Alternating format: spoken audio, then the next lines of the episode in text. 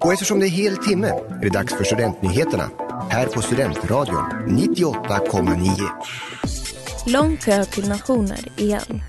Liberalernas partiledare avgår och Uppsalabandet Mares lägger ner. Det här är veckans nyheter. Den 5 april släppte Snärkes och Smålands nationer biljetter till årets valborgsfiranden. Redan runt midnatt, natten till tisdag, började studenter i sovsäckar, tält och stolar köa inför biljettsläppet i snö och vädret som drog igång under kvällen. Under natten hjälpte nationen till och erbjöd kaffe till kalla och trötta studenter och förmiddagen bjöd på sol. Trots att biljetterna var planerade att släppas klockan 12 på förmiddagen stängdes kön redan runt klockan 5 på morgonen och en inofficiell kö påbörjades istället i Universitetsparken.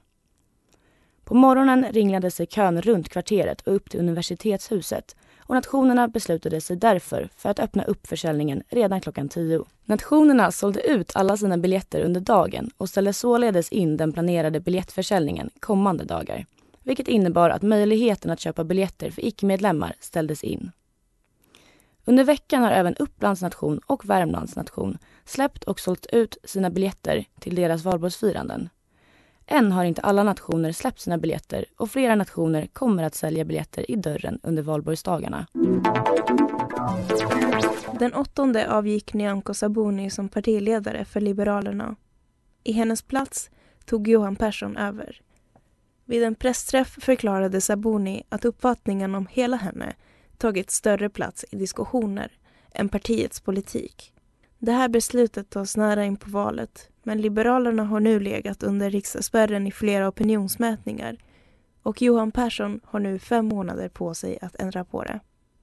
Kommunalråd för Liberalerna i Uppsala, Mohammad Hassan, kandiderar till riksdagslistan.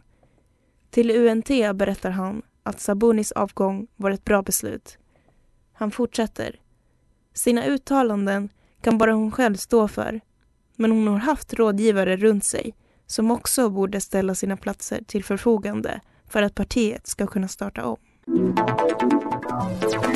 Uppsalabandet Mares lägger ner. De avslutar karriären med albumet Svanesång som släpps senare i april och en avslutande sommarturné.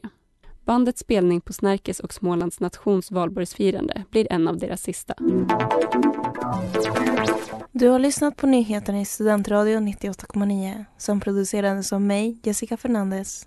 Mig, Rut Bruse. Och mig, Amanda Jansson, som nu har gjort min sista sändning som nyhetsansvarig.